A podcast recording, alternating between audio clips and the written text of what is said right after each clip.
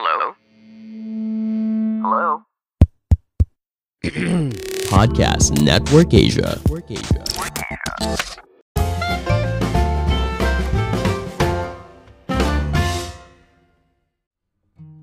Halo semuanya, kembali lagi bersama saya Madianto. Kali ini kita akan membahas tentang memaksimalkan hidup dengan kesederhanaan. Saat ini banyak individu yang memilih gaya hidup yang serba mewah. Hal syarat untuk memiliki dan menikmati barang atau jasa sangatlah tinggi sehingga sulit dibedakan antara kebutuhan dan keinginan. Bahkan banyak yang terjebak dalam gaya hidup yang defisit. Pengeluaran lebih banyak dari pemasukan. Kekurangan sehari-hari ditutupi oleh hutang dan hutang dibayar oleh hutang Konsumsi yang berlebihan ini bagikan bom waktu yang pasti akan meledak kalau tidak segera dijinakan. Hidup yang sederhana adalah seni bagaimana untuk mengatur kepemilikan suatu barang dan jasa berdasarkan nilai gunanya yang bisa dikonsumsi. Hidup sederhana bukan berarti pelit dan anti terhadap kekayaan, tetapi merupakan kesesuaian antara pengeluaran dan kebutuhan. Terlalu banyak harta yang dikeluarkan untuk memperoleh barang atau jasa yang tidak bermanfaat akan menyulitkan. Juga terlalu sedikit harta akan menyengsarakan. Semakin banyak benda yang dimiliki oleh seorang individu, maka semakin banyak waktu dan tenaga yang terkuras. Apalagi kalau benda-benda tersebut memiliki nilai guna yang rendah bagi pemiliknya.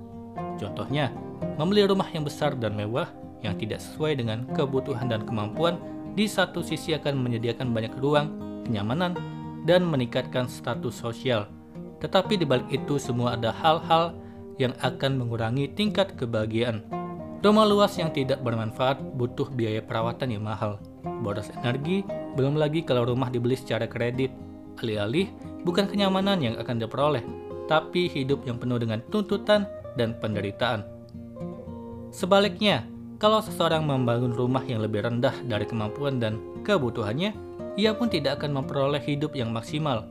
Ia tidak bisa memenuhi kebutuhannya dengan baik padahal ia memiliki kemampuan untuk memenuhinya. Hidup yang sederhana adalah bentuk moderasi dalam menjalani hidup. Tuhan pun telah mengajurkan kita untuk menjalani hidup yang moderat, yaitu kehidupan yang menyeimbangkan antara kebutuhan dan kemampuan.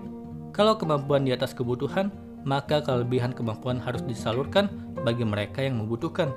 Tapi jika kebutuhan di atas kemampuan, maka seseorang harus bekerja lebih keras lagi untuk mencukupi kebutuhan hidupnya tersebut. Sebaik-baiknya individu adalah mereka yang memiliki jarak antara kemampuan dan kebutuhan yang panjang. Ia memiliki surplus kemampuan yang bisa ia alokasikan untuk membangun kesejahteraan yang lebih luas, yaitu kesejahteraan seluruh umat manusia. Menyederhanakan hidup adalah merubah kehidupan yang kompleks menjadi simpel. Manakah yang lebih baik? Sesuatu yang berkualitas tapi kompleks, atau sesuatu yang simpel tapi berkualitas? Individu yang rasional akan memilih hidup yang simple tapi berkualitas. Para ekonom menyederhanakan realita perekonomian melalui kurva dua dimensi. Ahli matematika mencari bentuk paling sederhana dari persamaan, kartograf, mengilustrasikan bumi yang lebih simpel dalam bentuk peta. Semua hal tersebut memiliki karakteristik yang sama, membuat sesuatu yang kompleks menjadi sederhana. Kalau realita bisa disederhanakan, begitu juga dengan hidup kita.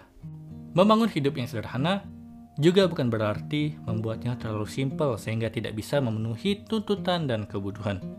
Diibaratkan lagi dengan ekonom, mereka yang membuat modal terlalu simpel karena dibatasi banyak asumsi akan menuai banyak kritik karena ada jurang yang memisahkan model dengan realita. Kartograf juga membuat peta yang terlalu simpel sehingga tidak memenuhi kebutuhan sehingga akan menuai banyak kritik karena hasil kerjanya tidak memuaskan. Begitu juga kalau kita berlebihan dalam menyederhanakan hidup. Hasilnya bukanlah hidup yang sederhana, tapi hidup yang jauh di bawah standar sederhana. Membangun kehidupan yang sederhana bukan sekedar aspek penggunaan barang atau jasa, bahkan semua bentuk aktivitas kehidupan pun perlu disederhanakan.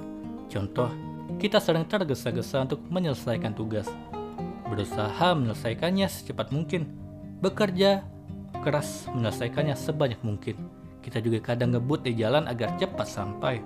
Bergegas untuk datang ke sekolah, kampus atau kantor, lalu kemudian berusaha secepat mungkin pulang agar sampai di rumah.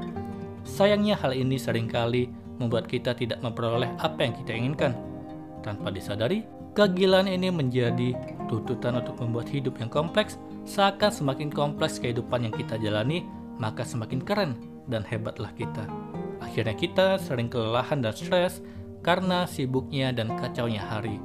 Oleh karena itu, setiap aktivitas tersebut perlu disederhanakan lagi demi menuai kebahagiaan hidup. Sebenarnya hidup itu sederhana, tapi kita sering kali membuatnya kompleks.